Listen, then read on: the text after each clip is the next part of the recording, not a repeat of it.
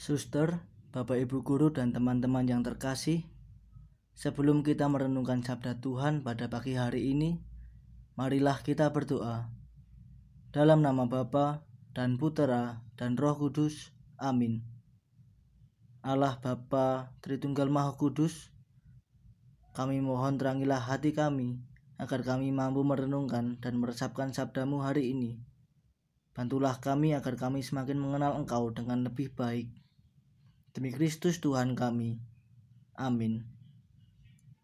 Inilah Injil Yesus Kristus menurut Lukas.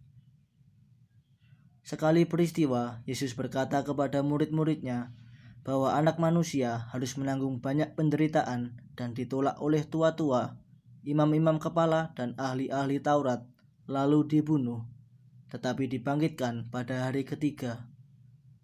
Katanya kepada mereka semua, setiap orang yang mau mengikut aku harus menyangkal dirinya, memikul salibnya setiap hari, dan mengikut aku. Karena barang siapa mau menyelamatkan nyawanya, ia akan kehilangan nyawanya. Tetapi barang siapa kehilangan nyawanya karena aku, ia akan menyelamatkannya. Apa gunanya seorang memperoleh seluruh dunia, tetapi ia membinasakan atau merugikan dirinya sendiri? Demikianlah Injil Tuhan. Saudara-saudari yang terkasih, saat ini kita telah memasuki masa Prapaskah. Masa Prapaskah adalah masa bagi kita untuk merenungkan kembali seluruh perjalanan hidup kita, sehingga kita sungguh-sungguh mengalami pertobatan yang sejati.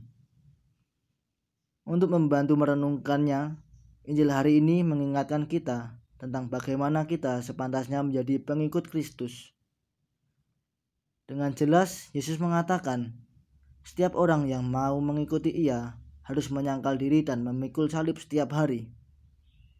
Secara sederhana, penyangkalan diri dapat diartikan sebagai meninggalkan sikap egois kita, sikap yang lebih mementingkan diri kita sendiri tanpa melihat situasi dan kondisi orang lain. Sedangkan memikul salib berarti melaksanakan tugas dan tanggung jawab yang kita miliki dengan penuh kesetiaan, meskipun harus mengalami banyak godaan dan tantangan. Pada hari ini, Yesus juga menasihati kita. Apa gunanya bila kita memperoleh seluruh dunia, tetapi kita binasa? Kekayaan memang tidak membinasakan kita, tapi bisa membuat kita kehilangan kebahagiaan, ketenangan, kedamaian, dan keharmonisan. Kita boleh mencari kekayaan semaksimal mungkin, tetapi jangan sampai kehilangan sumber hidup kita, yakni Yesus.